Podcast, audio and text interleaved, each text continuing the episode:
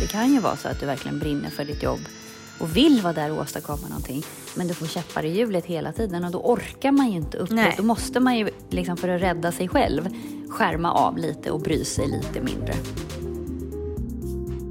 Människor som har lyckats finna sitt element i ADHD och accepterat det har ju också enklare att hitta arbetsplatser för de är ärligare när de går in på dem. All den här psykiska ohälsan som vi har är ju på grund av att man inte förstår kroppen.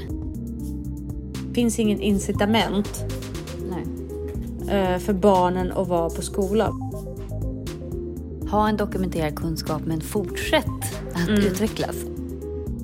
För att utan de här verktygen så tror jag det är väldigt svårt att hitta sitt element. Men utgångspunkt med ens partner, alltså överhuvudtaget som, så kan man säga så här, ingen person som är i sitt eget element skulle förbjuda någon annan att göra det. Nej, precis.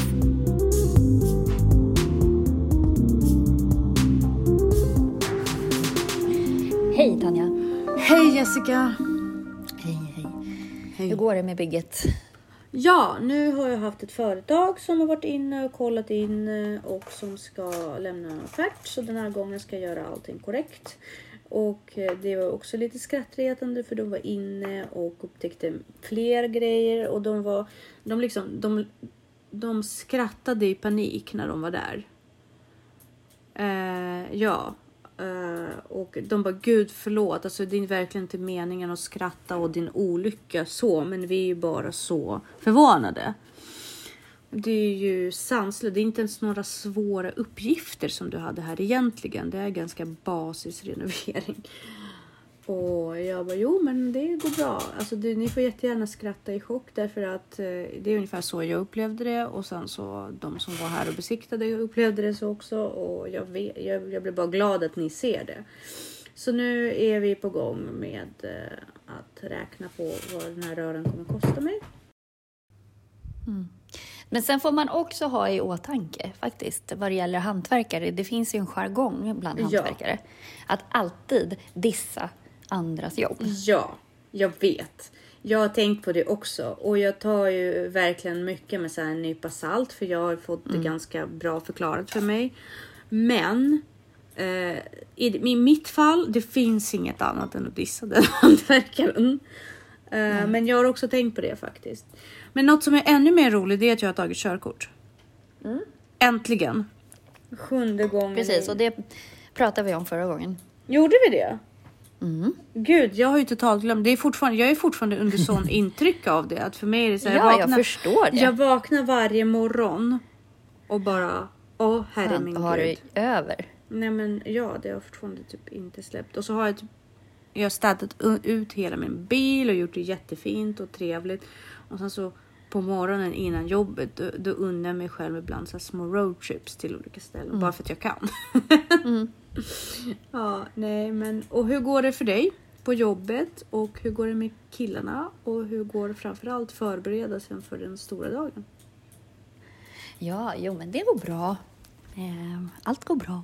Det går bra. Det händer, ja, allt går bra.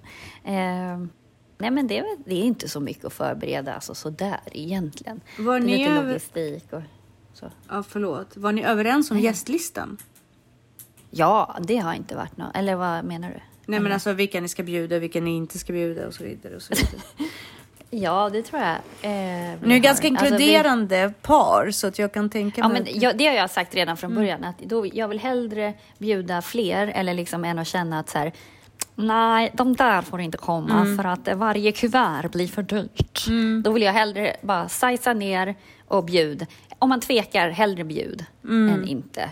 Sen så blir det ju så här, hur, vi, har nog, vi satte nog så här, ja, men det ska ändå vara kompisar som vi umgås aktivt Mm. med.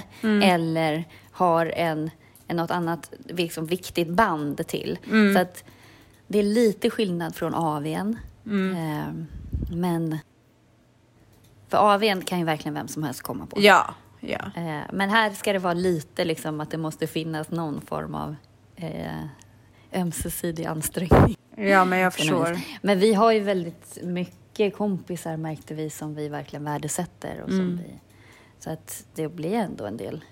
Vad kul. Åh. Men som sagt, hellre än för mycket än att man... Ja. Än att man börjar begränsa sig. Nej, och det är ju upplagt som en lite finare AV. Mm. Så det, det är ju inte så här... Ja, kuvert.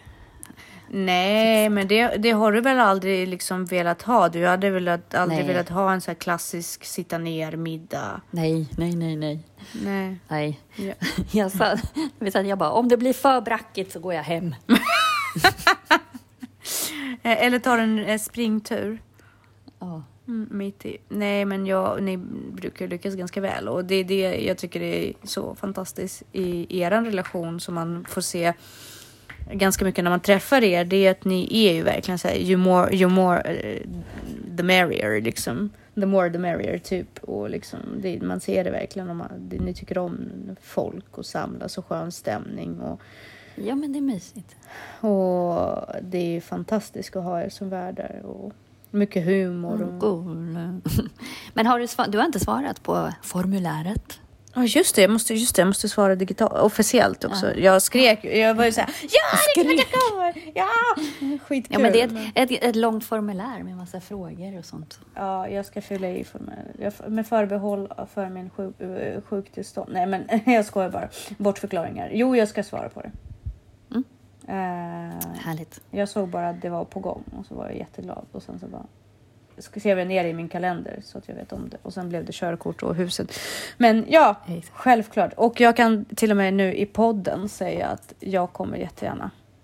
Ja. Men jag vill veta vilken låt du vill ha. Jag vill Ja, veta om ja, du ska ja, sova över. Ja, ja, jag kommer svara på allting. Jag lovar. Jag ska ta Bra. Härligt, härligt. härligt. högsta Bra. ansvar och göra det propert och rätt. Ja, tack. Ja. Men eh, vi säger eh, varmt eh, Välkomna välkomna till till Ansvarspodden!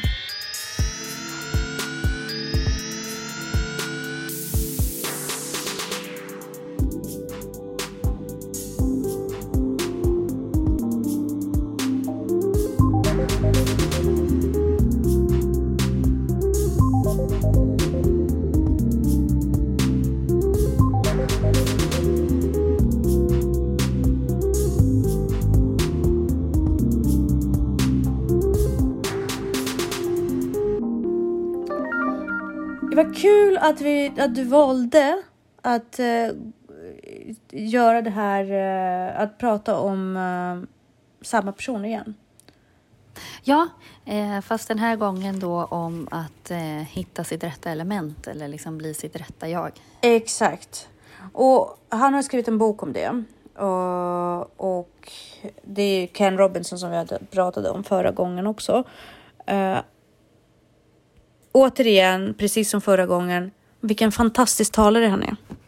Ja, han är jätterolig. Jätterolig och man märker att folk som kommer och ser honom är ju också folk som verkligen vill vara där. För han får, jag får ju så enormt varma känslor från hans publik. Hur de liksom tar emot honom som en vän nästan. Upplever inte du samma sak? Nej, men det man tar med sig ifrån är ju verkligen hur viktigt det är att göra saker som man är ämnad för. Som man, Lite som, som Kai Pollak också pratar om. Liksom, precis. bli sitt rätta jag, att göra det som man var ämnad att göra. Utan normer och värderingar och så. Att, och hur man då vet att man har hittat rätt på den. Precis. liksom.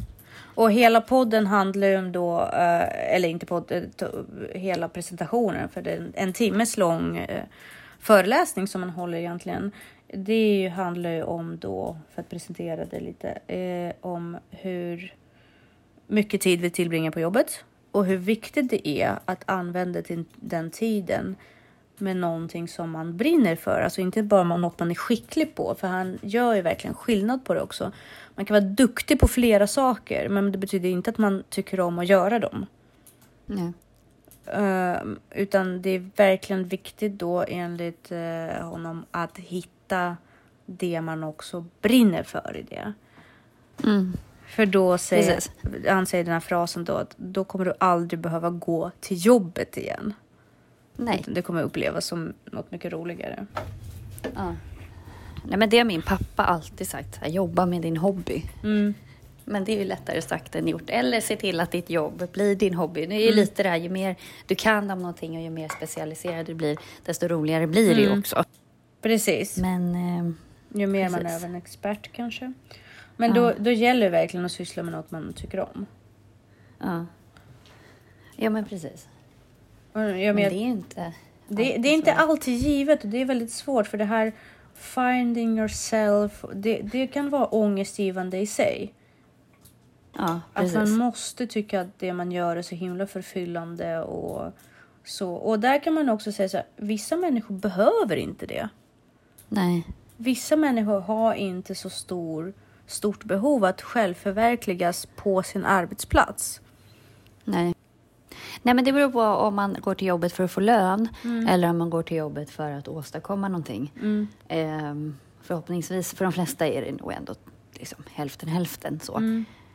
Ehm, det frustrerande är ju om du, för det har ju så mycket med arbetsplatsen och, och din chef att göra också. Det kan Mm. ju vara så att du verkligen brinner för ditt jobb och vill vara där och åstadkomma någonting. Men du får käppar i hjulet hela tiden och då orkar man ju inte upp. Nej. Då måste man ju, liksom för att rädda sig själv, skärma av lite och bry sig lite mindre.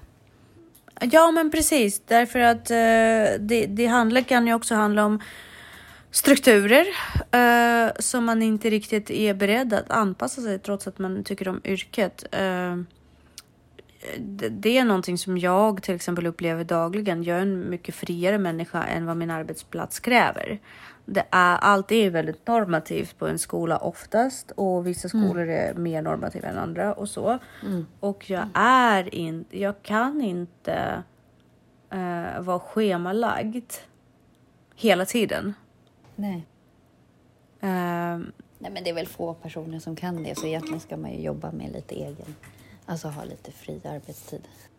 Ja, och det är ju för att när man, eh, framförallt när man jobbar med barn så behövs det, alltså man- det man inte räknar med ofta tycker jag när man, när man är lärare eller jobbar med barn som fritidsledare, fritidspedagog, vad som helst, är ju den här enorma tiden det tar att återhämta sig känslomässigt också.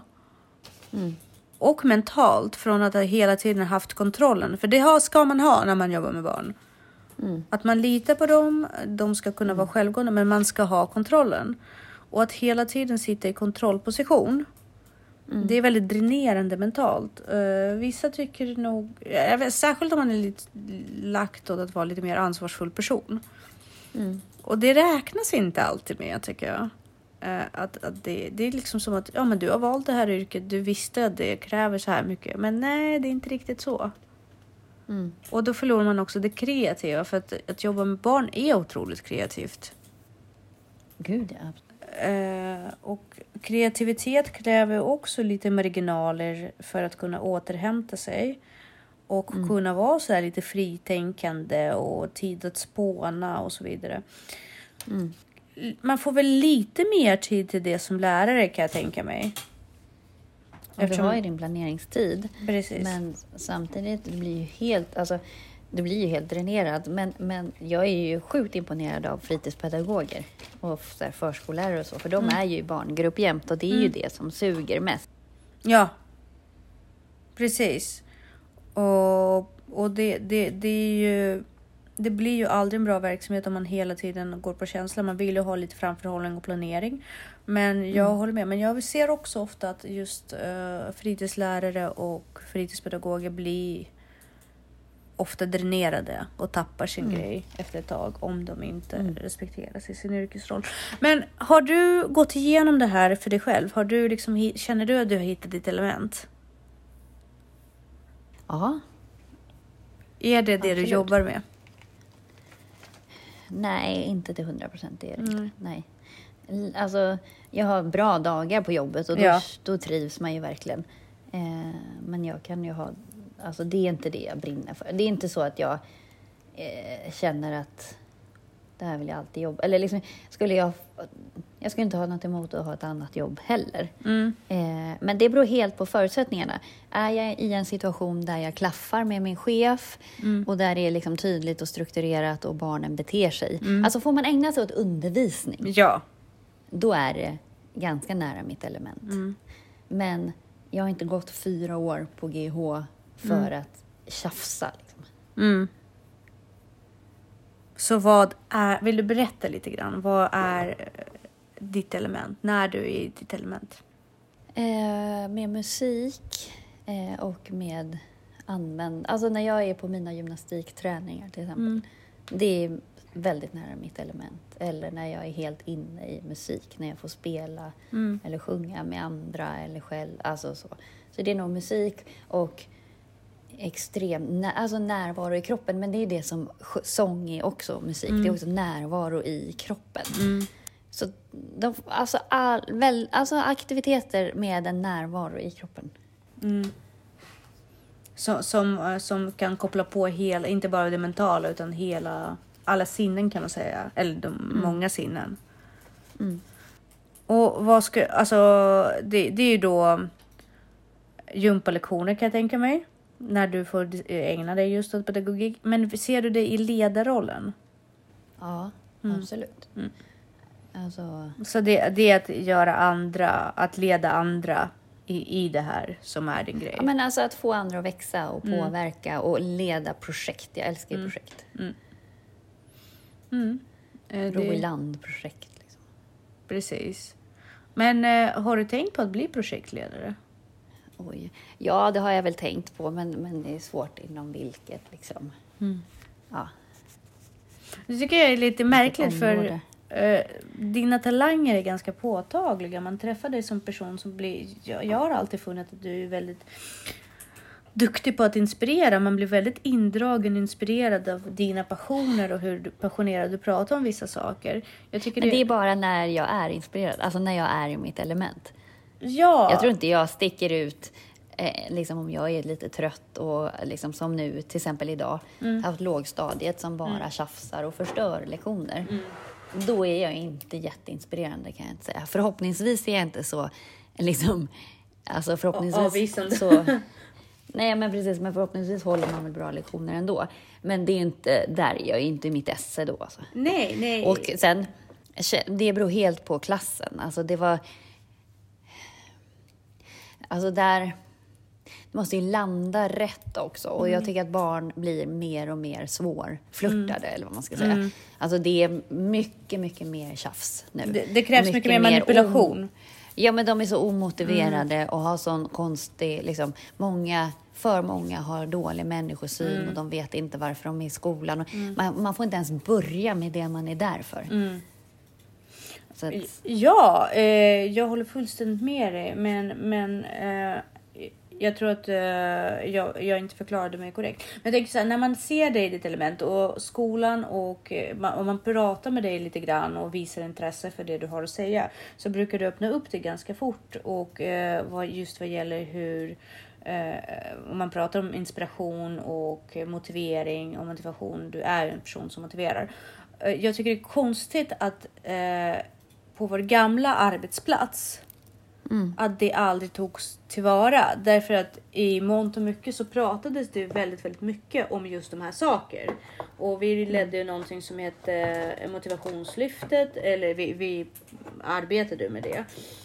Eh, och så. Men sen så togs det aldrig tillvara på samma sätt. Eh, och det tycker jag är väldigt märkligt. Därför men dels beror ju det på då också att inte...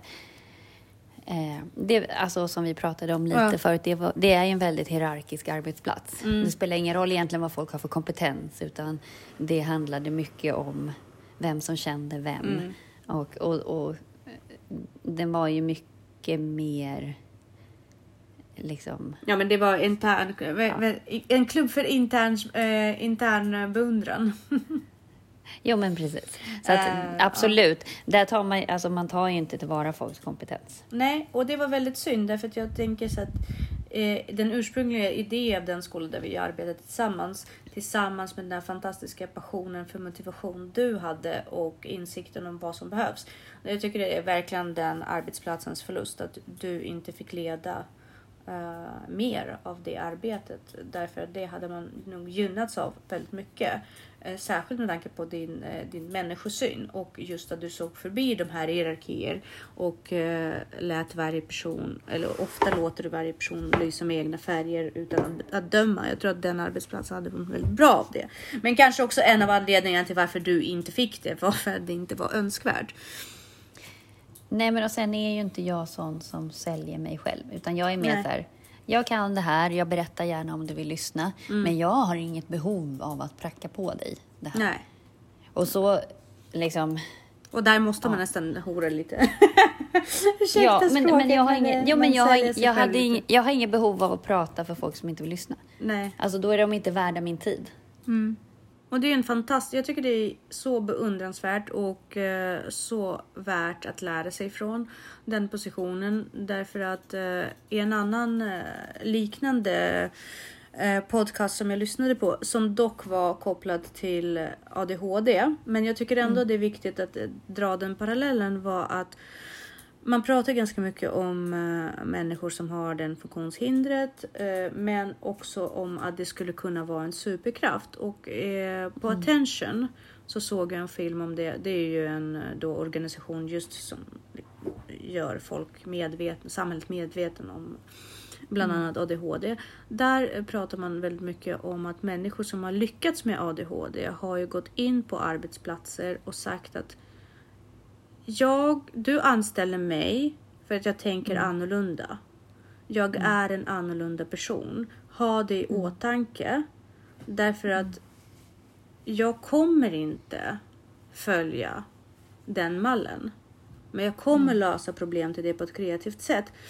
Och jag tänker att det här är väldigt mycket, det, det kling, klingar ju väldigt mycket med det um, Ken också säger att människor som har lyckats finna sitt element i ADHD och accepterat det har ju också enklare att hitta arbetsplatser för de är ärligare när de går in på dem. Eh, förstår du hur jag tänker? Mm. Och det, det är beklagligt när, när man har, men även andra kompetenser, man har någon som är mer självgående eller kompetent inom någonting, att man ofta begränsar honom. Jag tänker nu om vi går tillbaka till kommunala skolan. Att man ofta blir begränsad för att ens kunskaper eller kompetenser inte är inom ramen för det kommunala, för det ska vara ganska fyrkantigt. Jo, men också den här fyrkantigheten gör ju att man inte ens får hålla en kvalitativ undervisning för det kompromissas så mycket. Som nu har vi en situation på jobbet till exempel där en person är sjukskriven och då får vi andra gå in och stötta upp för den. Och då har man, tänker man att eh, vissa barn inte ska behöva eh, drabbas av en vikarie. Vilket betyder att ordinarie lärare då måste gå in och stötta upp och så sätter man vikarier på i mitt fall då så får jag gå in och ta SO svenska men så sätter man vikarie på idrotten. Och jag sa okej till det här under förutsättning att idrotten inte blir lidande. Ja, absolut säger man. Men nu, jag känner mig liksom lite sviken och lurad för att nu är det verkligen så här, orden är att vikarien ska göra minsta möjliga och lösa det på enklast sätt och vissa idrottslektioner uteblir. Och då kan jag känna så här, då hade det varit bättre, för nu blir det, jag är ju vikarie ändå, jag är ju ingen SO-lärare. Det kommer inte bli kvalitativ SO i alla fall. Eh, hade det inte varit bättre, nu blir det två dåliga ställen. Precis. Alltså istället för att jag hade varit kvar på idrotten och sen så hade man haft en, för den vikarie som kommer vikariera för mig för idrotten är fortfarande känd för eleverna. Ja. Så att den är kanske till och med bättre än vad jag hade varit på SO. Ja. Då hade det kanske varit bättre att ha kvar mig på idrott och ha en kvalitativ idrott. Och sen, SO blir ju lika dålig oavsett. liksom. Jo, och sen då går vi, hoppar vi tillbaka till förra veckans avsnitt då. Varför är det en sån hierarki i ämnen? ja, men det är som att SO är då viktigare. Exakt. Och det i sin tur, det kväver ju på något sätt din, ditt värde i det. Och vissa får ju, de får ju ändå en vikarie i idrott. Ja. Så då, där klarar de ju tydligen av en vikarie. Ja, men precis. det blev bara jättefel och rörigt. ja. Eh, Så att, och, eh, och, det... det, där är jag lite besviken faktiskt. Eller jag känner, där, då skiter man bara i, och det i förstår jag. ämnena. Därför det är som du säger, du går inte på eh, liksom, idrottshögskola i fyra år. Eh, för att eh, man sen i skolan ska visa det att idrott är inte lika viktigt. Eh, det är bara ditt yrke. ny- Nej, men I den nya läroplanen så håller man ju på att fasar ut idrotten. Som, Mm. Du håller ju på att fasar ut betyg på idrott. Att det bara ska handla om kanske godkänt eller inte. Och det tycker jag är så jäkla synd. För man borde höja statusen. Det är ett akademiskt ämne. Det handlar om så jäkla mycket mer än att springa efter en boll. Självklart. Eller, eller att springa av sig. Det handlar om att förstå ganska komplexa samband och kemi i kroppen. Mm. Och förstå hur självkänsla hänger ihop med en kontakt med kroppen. Och hur mm, all den här psykiska ohälsan som Mm. vi har är ju på grund av att man inte förstår kroppen överhuvudtaget. Och det är all Precis. den information som går ut i idrottsundervisningen och hemkunskapsundervisning. Ja. Eh, där, får du, där får du nycklarna till att bli lycklig. Liksom. Jag håller med dig. Eh, och, och få den kemin, Mm. förstå kroppen. Så att det är så jäkla synd att man inte fattar. Nej. Alltså, så. Men om vi tar det här med Ken, Ken Robbins, hur Mm. han pratar då om att vara i sitt rätta element, så, så finns det ju vissa sådana här saker man kan då ta med sig. Mm. Han pratar ju först om det här att eh, skriva såna morning pages. Att man börjar med dagen med att bara skriva av sig vad man känner. Sen kan ju det vara att man strukturerar upp sin dag eller går igenom. Men att man bara eh, skriver ner sina tankar och kanske bekymmer eller så. Eh, och sen bara det? iväg det. Brukar du göra det? Nej, eller jag brukar kolla på min kalender och för den har jag alltid liggande Mm. på frukostbordet. Eh, och kolla, alltså så att jag har ett hum om dagen. Mm. Alltså hur jag ska lägga upp allting, för annars hinner jag ju inte med heller. Så att jag har, de här grejerna ska jag göra, var finns det luckor, hur, hur ser schemat ut för Ja. idag? Ja. Eh, så det gör jag ju. Mm. Eh, men jag, jag går nog inte igenom liksom mina concerns och Mm. känslor och så. Har du gjort det vid Men- något tillfälle i ditt liv? Vad sa du? Har jag? Har du gjort det vid något tillfälle i ditt liv? Alltså har du haft en dagboks, eh, någon form av skriv? Ja, det hade jag nog när jag var yngre. Men jag Du tror då? att, ja, jo, jag tror att det är ganska viktigt att ha den upplevelsen i alla fall. Jag har börjat med det först nu. Men jag har planerat ganska länge och liksom följt dagen. Men jag har börjat eh, i mån av behov. Jag känner ibland att det finns behov. Göra det och då gör jag det just på morgonen därför då känner jag att man är som jag vet inte, me- mest mottaglig men fortfarande lite, lite i drömvärlden på något sätt. Eh, men man vet ju att man är som piggast och mer liksom så här känslig, mottaglig för sina egna behov. Så att, ja, jag gör det och jag har faktiskt gjort det innan eh, jag läste om det här. Och, eh, eller innan vi gjorde, innan vi tittade på den här podden. Jag har gjort det ett tag, men bara vid behov. Men jag tycker att det är en väldigt, väldigt nyttig tips. Mm. Särskilt om man känner att man inte riktigt får ut det man vill av sitt eh, arbete. Mm. Absolut. Mm. Eh, sen en annan grej som jag tycker att man tar med sig är ju att liksom, när man hittar sitt rätta element så får man också mycket energi. Mm.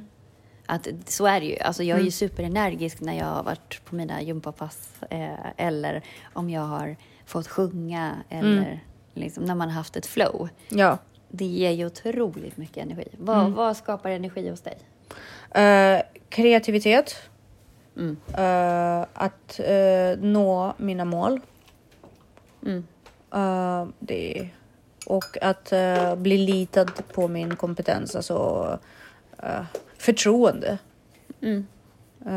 ska, kan man säga. Så de, de tre saker. Jag känner också att jag, mina dagar blir inte bra på min arbetsplats när jag får släcka bränder. Eh, jag älskar att vara i skolans värld. Min, jag, jag vet att jag sa det för många avsnitt sen och eh, jag säger det igen. Jag upplever mig själv att vara en musa. Eh, Inspiratör, eh, oavsett hur man lägger fram det. Musa är väl mer romantiskt, det låter lite mer ballt tycker jag. men, men det är så jag tänker på mig själv eh, när jag jobbar, därför att jag jobbar med barn som har det svårt. Och jag måste hitta ett sätt för dem att palla och var, bli intresserade. Och när jag inte får fokusera på det och framförallt deras värld så känner de på sig att de inte är på allvar och då kommer inte de någonsin vilja. Och där är största misslyckandet tror jag som får svepa mattan underifrån mina fötter. Att jag inte kan hålla 100% fokus när det är deras tid. Utan jag blir tvungen, jag ska bara, jag ska bara. Det finns inget värre än en vuxen som ska bara. Nej. Tror jag i, i, i en pedagogisk bemärkelse liksom. Så att um, ja, det är väldigt, Men väldigt... hur, um, Mm. hur, förlåt, hur trivs du liksom i, för nu är du ju lärare mer. Mm. Vi har ju, vi har ju efter, eh, efter min egen egentligen förfrågan har vi gjort så att jag tar hand om de som har det lite svårare. Vi har eh, och jag har en till tjej som jag jobbar med som tar mest hand om klassen. Och eh, jag har fått en mindre grupp och jag känner att eh, dels är det jättemycket tid som går åt planering givetvis. Mm. Och dels så, i, ibland känner man att man måste hela tiden, att den planeringen är helt onödig för att eh, det fallerar hela tiden på grund av eh, personalbrist. Ja. ja, men man kan ju aldrig, brukar ju säga det som lärare, du kan aldrig planera någonting men du kan förbereda dig. Ja, och där tror jag att första initiella eh, liksom, mötet med läraryrket, ju- just inte att jobba på skolan, men just i läraryrket är ju att eh, det här systemet hå- håller inte gentemot det vi ska åstadkomma. Nej, nej, det gör det inte. Det, det, man känner sig lurad redan vid första ögonblicket. Jo, men så är det ju. Man, man pluggar till att bli lärare, en pedagog eh, kan jag tänka mig. Och man, man skriver på en kontrakt där, där man ska vara en pedagog och ägna sig åt sin klass och se till att de, de klarar läroplanen. Men det är inte det man gör i sin vardag. Nej, nej, det är det inte. Men där har vi ju det här samhälls...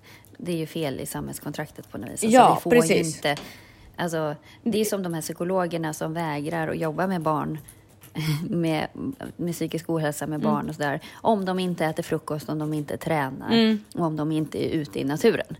Det tycker Och jag, jag är att det är- jättebra.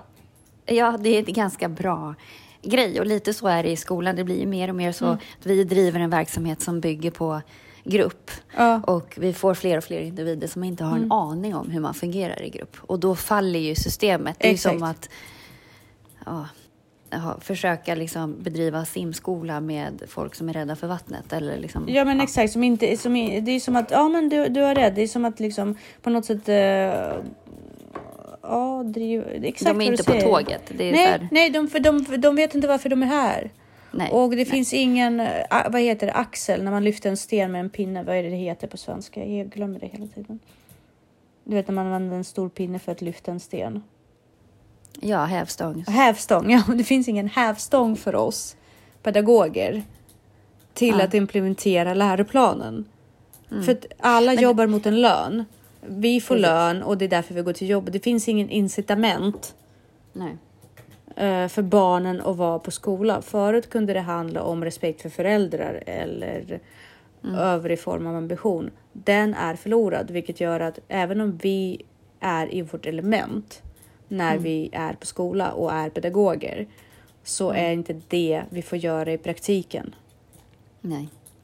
Och det handlar ju också om det när du gör någonting av passion, alltså Mm. när du gör det som är i ditt element, Mm. då har du fortfarande fått mer energi i Ja. slutändan Ja. än vad det kostar. Alltså att du, du känner Ja. liksom, du kan vara trött mentalt, Ja. men huvudet är fulltankat och Men- man känner sig mer inspirerad. Men om man drar en liten likhet här, om man säger att man, man jobbar på en verkstad och är en mekaniker, alltså en tekniker och, ska, och, och ens jobb är att serva bilar. Och man har gått på skola och så har man, kommer man in och så servar man bilar och det är det man eh, har pluggat till och det är det man har valt att göra med sitt liv. Och sen så kommer chefen in och bara, vet du receptionisten är, är, är långtidssjukskriven. Skulle du börja kunna jobba receptionen en liten dag? Och så hamnar man i just det här kontorsmiljön som man Ja. ja. försökt att undvika Mm. genom att välja sitt yrke. Och det är samma sak för lärare som kommer till en arbetsplats där man måste ha struktur, Mm. eh, delmål, uppföljning, organisation.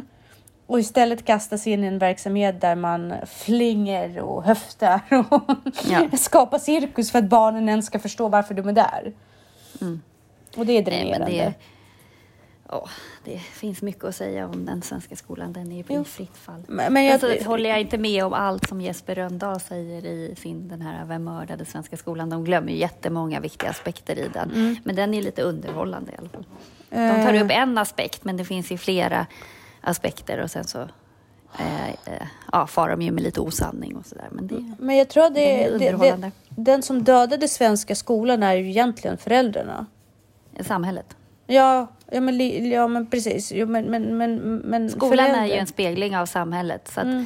samhället är i fritt fall också. Mm, precis. Eh, Och, det, och, det, och där är det ju väldigt svårt att vara i sitt element. Mm. Om den inte liksom existerar gentemot det man har valt. Det, du säger det är fel i samhällskontrakt, precis som du sa. Mm. Det är där det fallerar för oss eh, pedagoger tror jag i alla fall som Mm. tror, eh, som, som vet vad ens element är. Men vad Mm. gör vi då åt det? Jag tänker, förlåt. Sen, först var det en sak som du sa, en till sak som man skulle tänka på för att hamna i sitt element. Det avslutade inte du, som man ska tänka på i samband med Ja, det det här. finns flera, ja, men det Mm. finns ju flera saker också. Att, att eh, det här med sinnesnärvaro. Mm. Eh, att det handlar ju om, lycka handlar ju om en, en inställning. Mm. Och liksom det här mindfulness. Mindset. Mm. Det tar inte bort liksom livets motgångar och medgångar, men det påverkar ju hur man tar sig an det, hur man påverkas av det. Eh, och hur då du påverkar andra och själva upplevelsen. Mm. Och det, det påverkar ju hela din relation med omvärlden. Mm. Eh, så liksom det här med mindfulness är ju jätteviktigt. Och det här med lycka, liksom att, att lycka är ju en sinnes... Det är ett val. Mm. Och det kan ju låta provocerande, men det är faktiskt ett val. Att Men- lycka, och det har vi pratat om jättemycket, Ja. och lycka hänger ihop med tacksamhet. Ja. Och lycka är inte materiella ting eller Nej. materiella liksom, bekvämligheter, utan lycka är ju, det kommer ju inifrån. Precis. Det är Och ett där val, man ja. väljer. Och det, den historien han berättade om sin far var väldigt gripande. Där pappan blev, eh, hans pappa blev paralyserad och han var en ganska rolig och intressant och liksom uh, färgglad person. Som hela familjen kände sig vara en stark personlighet. Uh, Och vart på han blir paralyserad. Men på något sätt så berättar ju Ken att han kommer tillbaka till det här. För det här är hans defaultinställning. Uh, Han är den typen av person. Och ja, kemi gör jättemycket. Och, uh, men medvetenheten om det gör ju också otroligt mycket. Och där vill jag bara slå ett slag för det du säger. Det är så sjukt eh, synd att man minskar statusen hos de ämnen som faktiskt förklarar det. Därför att folk kämpar med det, sociala medier är fyllda med det. Det här behovet av rörelse och de egenskaper som inte handlar om det materiella eller ekonomiska. Det handlar inte om status. Utan det handlar om mycket mer basiska saker som vi blir fråntagna. Precis som vi blir fråntagna eh, gymnastiken och vi blir fråntagna hemkunskap och bilden fasas ju ut också. Och det kreativa och andligheten och allting blir liksom allt det här som inte kan mätas på något sätt Nej. eh, fasas ut. Och det är synd, eh, verkligen synd. Därför att utan de här verktygen så tror jag det är väldigt svårt att hitta sitt element. Absolut. Mm. Och också, han tar ju också upp det här att eh, myten kring hinder. Mm. Alltså om man inte ser hindren så finns de inte där. Mm. Eh, och just hur vi begränsar oss själva. Mm. Och att man är för kritisk mot sig själv eller själva... Ibland så ser vi liksom... Alltså målet är egentligen fel. Mm. Eh, sen får man också välja det här om, om resan är målet eller om målet är målet. Det är lite olika. Det har vi pratat om förut Ja. också. Jag är lite mer att målet är målet. Mm. Men ehm, Jag kan säga så att jag, jag är definitivt mer på resan därför att jag kommer inte ens nå fram till målet om jag inte min resa är bekväm. Jag fastnar i resan ofta. mm, men det är väl härligt. Nej, men jag tror att ba- det handlar bara om att eh, vara ärlig mot sig själv. Det spelar väl ingen roll egentligen vad som är målet. Utan att man är medveten vad som är målet för en själv. Mm. Och eh, bara där har man ju väldigt mycket att lära sig om. om. Och det här att i sökandet lära känna sig själv på ett ärligt sätt. Mm. Och acceptera sig själv med både fördelar och brister. Mm. Eh, för att bättre kunna svara på frågan vad är det jag vill? Och, vad, och vad som är trovärdigt också. Ja, precis. Jag tycker det var lite coolt som han pratade om. Det är lite sådär ut, eh, utopiskt på något vis. Att, att utbildning, liksom, han tog ju upp det här med liksom, om du drar ut, om du inte vet vad du ska plugga och drar ut och reser och sådär. College kommer alltid finnas kvar och du kan börja när du vill. Eh, en sak som, som han lyfte som jag tycker är viktigt är att liksom, du kan alltid utbilda dig i oändlighet. Och speciellt nu med liksom Youtube och böcker och det finns jättemycket. Däremot så är det ju hårdare konkurrens också så du behöver väl någon form av dokumenterad kunskap. Det är inte så lätt att bara vara så här äh, självlärd. Eh, men just det där att ha en dokumenterad kunskap men fortsätt att utvecklas. Alltså var vetgirig, nyfiken. Fortsätt att utbilda dig livet ut. Ja. Det tänker jag mer liksom. Och sen att man hittar sin tribe. Liksom. Ja. Att man delar, hittar en grupp som har samma normer och värderingar som en själv och, och behöver inte vara exakt samma intressen men som stöttar ditt inre jag. Alltså du kan inte Ja. vara med en partner som inte, det här har vi också pratat om, Mm. nyckeln liksom, till fungerande relationer. Du måste ju vara med en partner som vill dig väl Mm. och som stöttar essensen av vem du är. Precis. Alltså är du med någon som inte tillåter dig att göra det som du mår bra av, att det inte passar in i familjepusslet eller det inte Mm. Så, fel, bara byt person på en gång. Ja, ja absolut. För det är inte, det är inte okej. att säga till någon att den inte får göra det som är dens essens, det är inte okej. Men utgångspunkt med ens partner, alltså överhuvudtaget som, så kan man säga så ingen person som är i sitt eget element skulle förbjuda någon annan att göra Nej, det. precis. Alltså, Nej. det, det är ju som att missgynna någon, eh, någonting som man verkligen vill eh, själv. Eller typ, Ja, men då vill man ju inte den Nej, väl, då är nej, man ju bara man med den för sin egen skull. Nej, precis. Men jag tror inte Och- att lyckliga människor förbjuder andra människor. Nej, men jag tror inte heller det. Och jag tänker bara lite på, på min relation. Eh, för Danne säger det ofta, liksom att, här, ja, att jag låter honom göra. Men jag, alltså jag blir så här, för mig är det så självklart, för i och med att jag är ju så, jag måste få göra mina saker. Så att för mig finns det inte att han inte skulle få göra sina, för då får ju inte, alltså jag tar ju för givet att jag får göra mina saker. Eh, så att jag förstår inte hur, vad jag skulle ha. Och jag vill ju att han blir lycklig. Han är ju jätteglad och nöjd och härlig när han får göra sånt som han gillar och brinner för. Så Ja. det är ju superhäftigt. Jag kan säga att en, en, en epiphany i den här, eh, i min nya relation är att Mm. eh, eh, jag har alltid varit så här, men varför ska två göra någonting som en kan göra som dessutom ingen av oss gillar? Nej. Eh, det är bättre att en av oss gör och så är det klart. Ja, exakt. Och så går det fortare. Men nej, ibland gör man någonting som man ingen gillar tillsammans. För att uppskatta tillfället istället. Ja, alltså det Alltså, beror helt på vad det är. ja, det. Alltså, ja. För jag kan men det här är nytt att, för mig. ja. För jag kan känna lite så här om det är någonting som varken jag eller Danne gillar. Mm. Eller det, det finns inte så mycket grejer som jag inte gillar egentligen. Men jag, blir, jag tycker inte att... Vissa grejer funkar ju inte att göra två samtidigt. Och det finns ingen egenvärde i att göra samtidigt. Så, så här, stå och diska samtidigt. Nej, alltså, jag då kan jag känna så här, om han har grejer han vill, behöver göra Mm. och jag har tid.